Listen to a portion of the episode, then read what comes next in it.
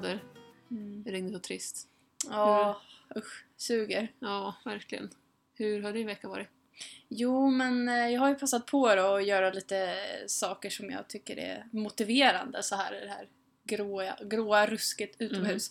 Så jag har faktiskt varit och hoppat i onsdags. Vad Eh, kul. Ja, jag försöker hoppa varje onsdag nu med någon av hästarna. Eh, Och mitt dilemma är liksom att välja vilken häst jag ska hoppa med. Det är ett jobbigt problem. Ja, lyxproblem Ja. faktiskt. Men, eh, nej, men det, det gjorde vi i onsdags. Åkte iväg med två hästar. Ja. Hur kändes det då? Ja, det var jätteroligt. Ehm, och jag rider i en sån här markarbetesgrupp där det är mycket fokus på um, cavaletti och svängar och, och, och dressyr också. Mm. Så att jag hoppar inte så jättehögt för jag har liksom kommit av mig lite. Jag har blivit lite rädd kan man säga. Okej. Ja. På vilket sätt då? då? Nej men när jag var yngre då kunde jag hoppa hur som helst, var som helst, ute i skogen över träd som hade rasat och Ja. jag hoppade liksom utan problem 1,20, 1,30 med min lilla häst som var typ 1,55 Mm. utan att tänka på konsekvenser eller någonting. Nej. Men eh, sen blev jag äldre och jag vet inte om det var det som ställde till det. Så gammal är jag inte men jag har fått lite mer konsekvenstänk tror jag. ja, men jag kan hålla med det du säger. Också Ja. att det, det blir när man, när man åldras så får man lite andra tankar och värderingar om livet. Ja, och det, jag känner liksom att jag är rädd att eh, jag ska komma fel på hindret Ja. och att vi ska vägra och hästen hoppar jättehögt för det gör en av mina hästar i alla fall, hoppar väldigt Mm. högt så han kan nästan hoppa mig i sadeln och Mhm. jag vill inte ramla av. Det är väl det det handlar om. Mm. Men samtidigt så älskar jag det. Jag tycker att det är så himla roligt att hoppa. Det är liksom... Alltså det blir liksom en kick av att hoppa. Ja, det är adrenalinpåslag. Man känner också hästen ju. Jag tror att det är mycket Ja. det också, att man känner hästens Jo, energi och glädje i att hoppa. absolut. Så är det. Då smittar det av sig också. Ja, och nu i onsdags då hoppade jag med min häst Shaman och han, vi har inte varit iväg på träning på typ två år och hoppat. Så jag trodde att han skulle vara lite mer tittig och sådär än vad Mm. han var. Ehm, han brukar kunna vara ganska fjantig och vilja vägra och sånt där och när han hoppar hoppar han jättestort. Mm. Men han var faktiskt på hugget ordentligt i onsdag så han bjöd på hindren och ville hoppa men han har den här inställningen att Åh shit, det var roligt, eh, fast jag vågar inte. Mhm. Och så försöker han springa bredvid eller så. Men Mm. Han stannade faktiskt bara en gång i onsdags. Ja. Och eh, hoppade från stillastående då. Så att Ja. jag är jättenöjd. Ja, vad Ja. bra. Så vi delar det där. Jag måste, jag måste liksom våga för hans skull. Så att Mm. han vågar. För Mm. då blir det liksom perfect match. Vi båda tycker att det är superroligt och lite spännande samtidigt. Vad kul. Men du berättar ju här nu att du, liksom, att du är egentligen lite rädd för att hoppa. Men du gör det för att du tycker att det är kul och sådär. Men hur kommer du över den här rädslan? Hopprädslan? Ja, jag tänker ju mycket det här face your fears. Så Mm. är det någonting som man tycker är obehagligt så bör man utsätta sig själv för om man vill komma vidare och utvecklas. Så därför så började jag åka på de här hoppträningarna och provade mig fram lite och jag har verkligen utvecklats jättemycket i mitt självförtroende som dels som ryttare men även i mitt privata liv också. Mm. Att jag vågar ta mig an de här utmaningarna och trots att jag inte är världens bästa hoppryttare så vågar jag utsätta mig för att, att åka på en träning med andra duktiga ryttare och hästar och Mm. göra någonting som är faktiskt helt främmande för mig och mina hästar egentligen. För vi håller ju på med distansritt och där hoppar man väldigt sällan hinder ute i skogen. Mm. Ja. där är det mest eh, rida på skogsvägar och sånt där. Mm. Så um, det handlar väl mycket om den mentala inställningen. Mm. Jag, jag vet att jag måste... När jag blir osäker och rädd så behöver jag fokusera på någonting annat. Mm. Så i onsdags till exempel, då var det ett hinder, en oxer, som hade jättemånga bommar och den tyckte jag såg jätteläskig ut. Mm. Och den hade dessutom ganska många vita bommar, vilket är det jag tycker är absolut läskigast att hoppa av någon anledning. Mm. Så den där oxen, den hade jag ju spanat in och kände åh, måste jag hoppas att den hon plockar bort lite bommar eller någonting innan jag ska hoppa Mm. den där oxen för vi kommer säkert riva hela hindret. Och den var i en kombination så att vi skulle landa efter ett räcke och sen skulle vi ta ett galoppsprång och sen hoppa oxen. Mm. Så då kom den ju lite sådär plötsligt för min häst också tänkte jag. Men jag fick slå bort de där tankarna för jag vet ju att om jag håller på att fokusera på det och tänker på det då kommer ju schaman också känna det. Mm. Det smittar ju av sig. Hästen känner ju verkligen vad man tänker. Ja, och då kommer han garanterat tycka att det är en monsteroxer. Mm. Så jag tänkte, som jag brukar göra på hoppträningarna, okej, kolla dit du ska. Och då brukar jag titta rakt fram mot väggen dit jag ska, liksom, sargen på ridhuset. Och sen så bara styr jag hästen, ramar in den med skänklarna liksom och så tittar jag på den där punkten långt borta Mm. och så låter jag hästen galoppera och hoppa. Och det funkar ju rätt bra för då, då fokuserar jag inte på det som är läskigt. Nej. Och det är så att det som man fokuserar på, det växer. Ja, eller hur? Det är verkligen så. Så tänker man hela tiden på att man är rädd så blir det större och större och Mm. större. Mm. Och det känns mer och mer. Mm. Så mycket handlar om sin mentala inställning. Mentala. Att våga och göra det ändå även om man är rädd och ha en plan Ja. på och vad man ska, som du sa där. Att du vet vad du är på väg att titta ditåt. Ja, Och när man också känner att man klarar av det så blir det lättare sen också då för Mm. varje gång. ja verkligen. Man eh, utvecklas som jag sa jättemycket. Mm. Och jag gillar att, att känna att jag får utmana mig själv lite grann också. Mm. Rädslor kan ju vara så mycket olika saker som vi har också diskuterat lite tidigare. Det kan ju vara egentligen att man är mörkrädd, att man inte vågar rida ut i skogen när det är mörkt. Mm. Det kan ju vara att man har varit med om en olycka som har gjort att man har blivit rädd. Ja, Men det kan ju också vara att man är rädd för att någonting ska hända. Alltså det kanske ändå inte har hänt, men att man har sett andra eller liksom... ja precis. Så. Man, man har en bild av att någonting kan hända. Ja. Så ni som lyssnar, fundera på om ni har någonting som, som ni kanske inte har tänkt på ens, eller någon rädsla som ligger där, eller som ni tänker på. Fundera på det här under det här avsnittet, för vi kommer att prata mycket just om det här med rädslor. Några av er som lyssnar kanske har barn. För själv så kan jag känna det som är snart trebarnsmamma, att jag har blivit mera rädd eller försiktig sedan jag fick barn. För det är just det här med tänk om någonting händer, det får inte hända mig någonting nu när jag är mamma och har mina barn. Mina barn behöver mig, liksom den Mm. känslan. Eh, jag tror att många kan känna igen sig i det. Men jag försöker tänka så här att för det första, att jag liksom ligger steget före hästen. Som du sa, att jag sätt, utsätter mig inte för situationer som jag, där jag känner mig osäker och otrygg utan att jag, jag gör det som, som jag känner mig trygg av. Och det tror jag kan hjälpa många. Mm. Och sen tänker jag också att jag gör det här för att jag har passion, det här är det här jag älskar och brinner för. Mm. Så jag vill göra det här. Ja men verkligen. Och då är det ju värt det. Om man bara tänker liksom vad man, vad man gör.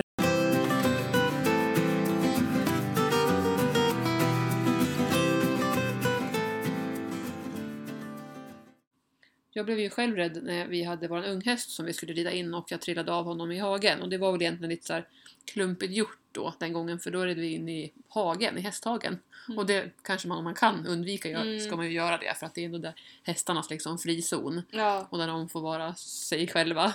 Men han började bocka och sparka bakut och jag flög Mm. av och gjorde illa mig rejält. Kände väl inte så här jättemycket där och då men sen så kom ju smärtan och blåmärkena och det ont i... Jag tror faktiskt till och med att jag bröt något revben också. Ja. För jag hade svårt liksom, med andning och det gjorde väldigt ont. Så det ju, gjorde att jag blev lite rädd och liksom mer eftertänksam.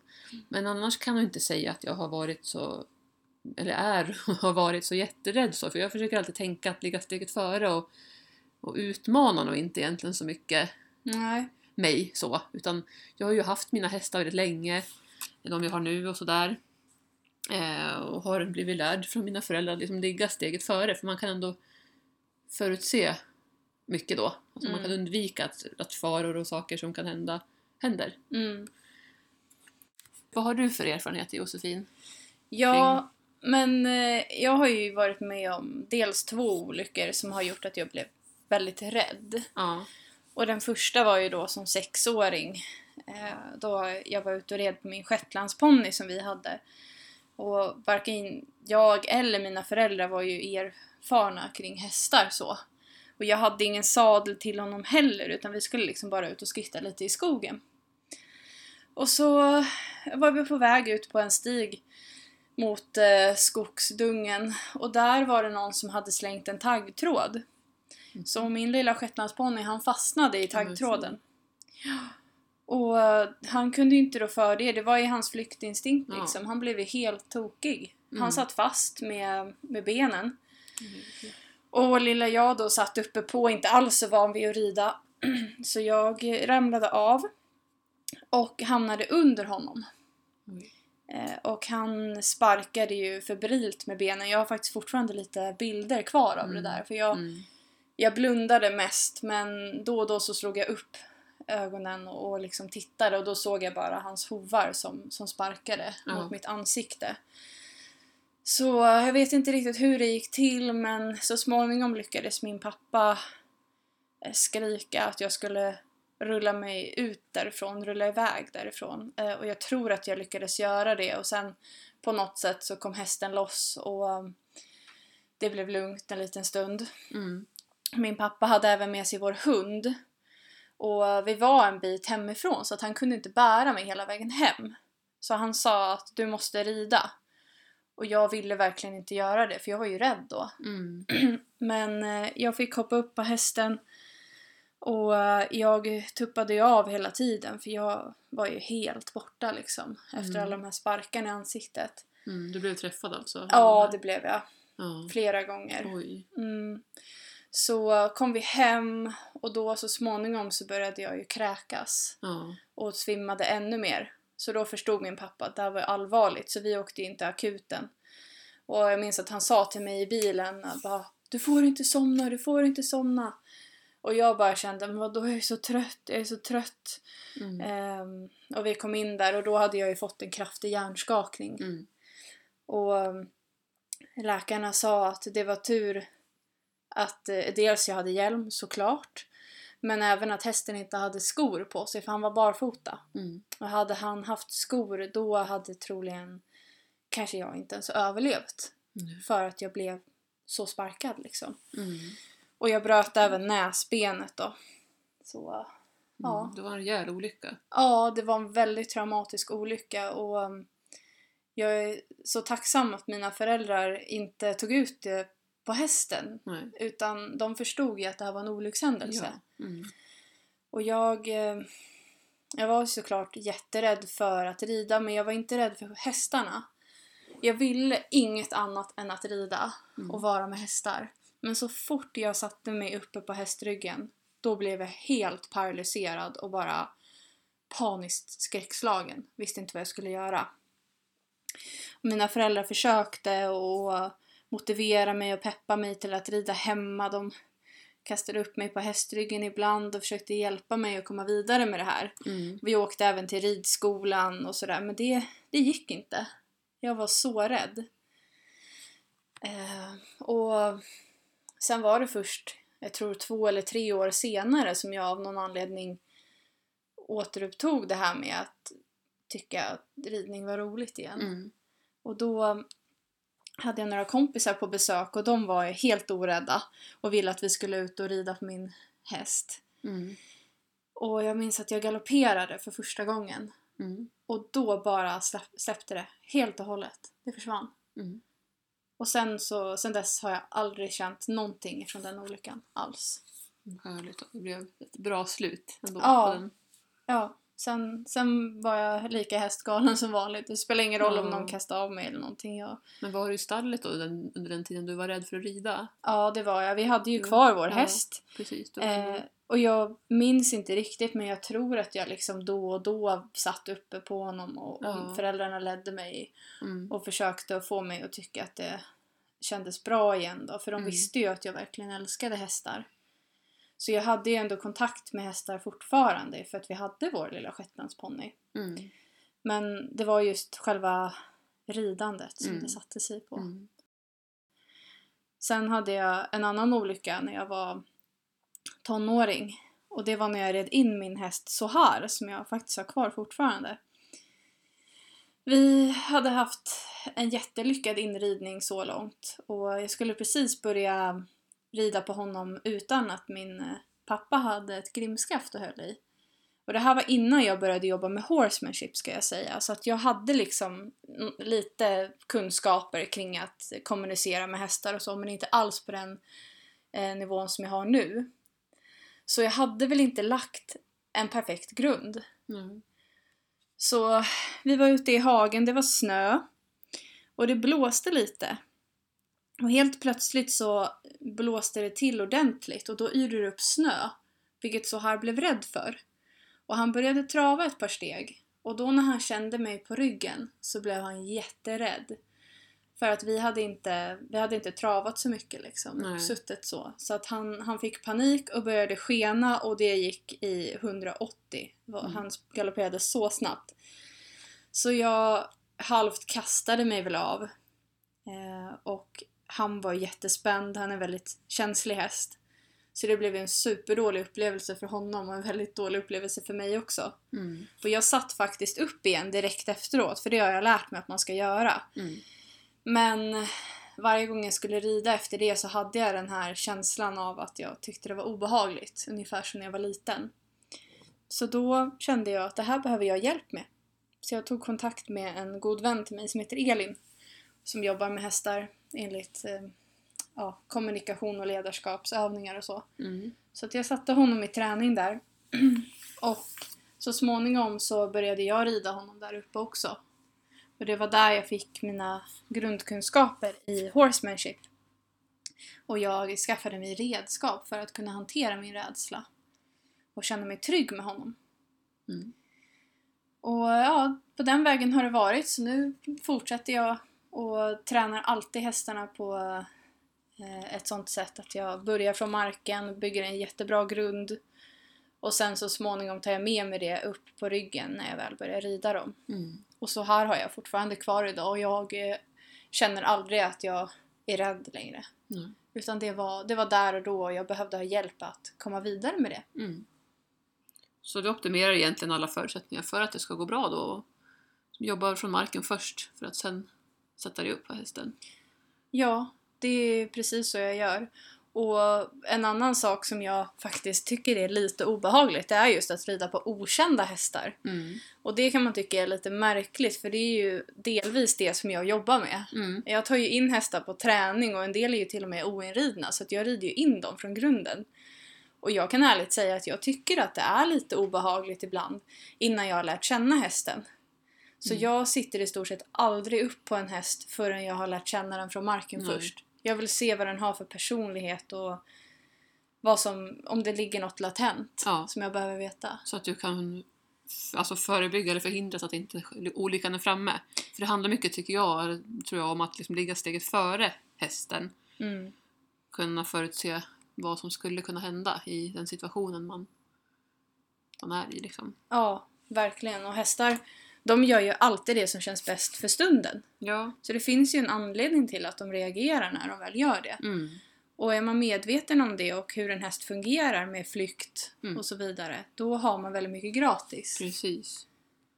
Jag tror hästen blir väldigt tacksam över att man också jobbar som du gör där. Att man lär känna den från marken först och så innan man går vidare. För Mm. det handlar ju om att man ska känna förtroende för varandra. Exakt, man, det, man är ju ett team. Mm. Det är ju inte bara jag som ska bestämma vad vi ska göra och Nej. hur det ska kännas och så, utan hästen har ju också en del i det. Ja, och hästen kan också faktiskt vara rädd för situationer. Ja.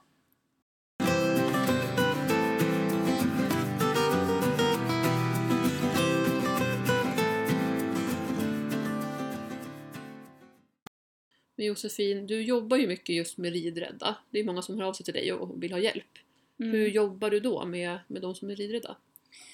Ja, till att börja med så sätter jag mig ner och eh, har ett samtal med den här personen som kommer så att jag kartlägger vad det är för problem eh, och försöker komma fram till vad rädslan grundar sig i. Mm. En del har som du säger kanske varit med om någonting traumatiskt som har gjort att de är rädda av den anledningen. Mm. Medan en del personer, de upplever jag faktiskt har ett renodlat kontrollbehov Mm. som de har det i vardagen generellt, inte bara kring hästar. Men eh, det här kontrollbehovet gör att eh, ja, det ställer till problem när man ska hålla på med hästar. För du kan inte alltid ha 100% kontroll. Du kan inte Nej. bestämma vad hästen ska göra. Nej. Hästen lever också. Och det måste man någonstans försonas med och acceptera Mm. om man har det här behovet. Eh, Däremot så kan man ha kontroll på det sättet att man vet vad man ska göra om någonting inträffar. Mm. Så nästa steg då är att jag eh, hjälper de här personerna att bygga en relation från marken med hästen. Lära känna hästen, prova att flytta den lite för sitt kroppsspråk. Mm. Se hur den svarar för det. Vad har hästen för personlighet? Och efter det så bygger man då mera självsäkerhet hos den här ryttaren. Och så småningom eh, kommer den här ryttaren att kunna sitta upp på hästen. Och då använder jag mig mycket av eh, västernteknik faktiskt. Jag har inspirerats Mm. av västernridningen mycket. Mm. Så vi använder något som kallas för one rain stop, alltså entygelstopp. Jag har lärt alla mina hästar att om man tar i en tygel eh, och för den upp mot mig, ungefär till min höft, Mm. så böjer hästen huvudet in mot mitt ben på den sidan. Mm. Så till exempel att jag böjer hästens huvud åt vänster. Då har hästen sitt huvud, sin mule, mot min vad. Och det enda hästen kan göra i det här läget, det är att snurra runt. Mm. Den kan inte bocka, den kan inte stegra sig och den kan inte skena till exempel. Mm. Och det ger en trygghet. Och jag kallar det här för ett nödstopp. Så jag implementerar hos alla mina ridrädda ryttare att eh, det här stoppet, det har du alltid med dig. Mm. Så du vet att händer någonting som du tycker är obehagligt, då kan du alltid stanna. Mm. Och sen när man väl börjar rida så jobbar jag mycket med något som jag kallar för cruising exercise. Al- Alltså att de får cruisa runt med hästen. Då rider man ofta på långa tyglar och sen får hästen välja vart den vill gå. Och då är vi en inhägnad, vi är inte mitt ute på ett fält eller i, i skogen utan vi är på en ridbana eller i min rundkorall då. Och hästen den har ju liksom egna idéer så den kanske vill skritta rakt fram och sen helt plötsligt vill den svänga vänster. Och ibland så kanske den vill till och med svänga mot väggen och då är det många som vill använda tyglarna och styra Mm. bort från väggen. Mm. Men den här övningen går ju ut på att man då ska lita på hästen och att hästen kan lösa problemen. Ja. För det kan de faktiskt. En Ja! häst vill ju inte krocka in i väggen. liksom. Nej, de det ju- vill de inte. De. de vill inte skada sig själva. Nej, de är faktiskt intelligenta djur. Ehm, och de har en självbevarelsedrift också. De vill Mm. inte skada sig själva. Så det enda man får göra i den här övningen, det är att göra ett one rain stop. Om man känner att eh, man blir rädd till exempel, eller att hästen blir rädd för någonting. Eller att hästen byter gångart helt plötsligt när den inte ska göra det, ökar tempot. Mm. Så eh, ja, den, den är väldigt bra för att bygga upp självförtroendet hos- och tilliten Mm. hos ryttarna, för hästen då. då. Och jag känner också igen det här med one rain stop. Jag har tränat mycket inom det också. Främst tidigare när jag började rida västernridning och sådär. Så var det ju verkligen ett sätt att stanna hästen på. Och jag vet också att när man rider in hästar i västernridning så, så brukar man ofta stanna dem på det sättet istället Mm. för att ta i tyglarna. Så Ja. bara mot den så, som vanligt. Och det gör faktiskt jag också när jag rider in hästar. Ja. Jag lär dem alltid att stopp är med en tygel. Ja. Och det är delvis för att tar du två tyglar och gör en förhållning rakt bakåt, då föder det ett motstånd. Mm. Men det är mycket lättare för hästen att böja sig ehm, i sidled än Mm. att böja sig neråt inåt. Mm. Så därför så får du en mer avslappnad häst också Mm. om du gör på det här sättet.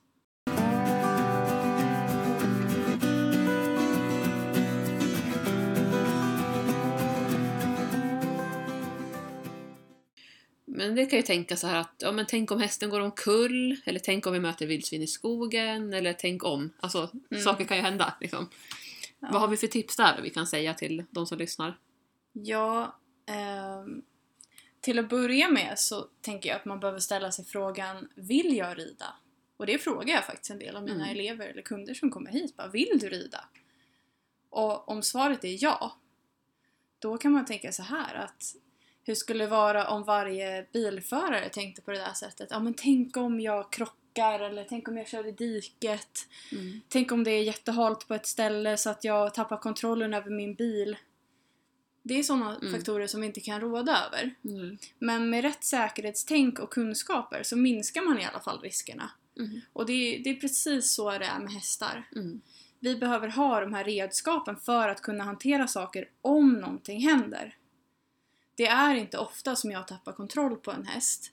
Och det är inte ofta som jag ramlar av. Men om jag hamnar i en situation där någonting kan hända så vill jag veta att jag vet i- det sitter i ryggmärgen vad jag ska Mm. göra då. Och jag tror också att många behöver komma tillbaka till det här med vad, vad, glädje, vad som är glädjen i ridningen. Vad är det härliga? Vad, vad är det som gör att jag blir så avkopplad? Mm. Att jag känner stresshantering. Man kan inte bara fokusera på Ja men jag tycker att det, jag tyckte förut att det var härligt att rida och jag tyckte förut att eh, det var jättekul att göra det här. Ja men vad tycker du just nu? Mm. Det är här och nu som vi är och vi behöver fokusera på hur vi ska komma vidare ifrån där vi är nu. Mm. Inte hur det har varit förut. Och det kan vara så att man har älskat att rida tidigare och sen har man varit med om någonting som har gjort att man så gärna vill rida men man vågar inte längre. Och då kan man faktiskt ta hjälp av en tränare eller en coach. Någon som vet hur man ska göra för att kunna pusha sin elev på rätt sätt. Mm. Så att man kan ta sig vidare och komma över sin rädsla. För det går faktiskt att hitta sätt att kunna hantera det på.